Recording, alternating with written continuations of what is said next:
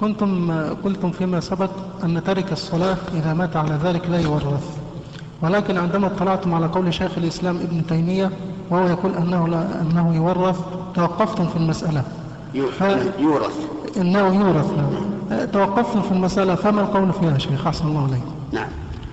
آه، القول ما, ما قلناه أنه إذا مات لا يورث وإذا مات قريبه لا يرثه. لكن شيخ الإسلام رحمه الله عنده قاعدة أن المرتد يورث ولا يرث.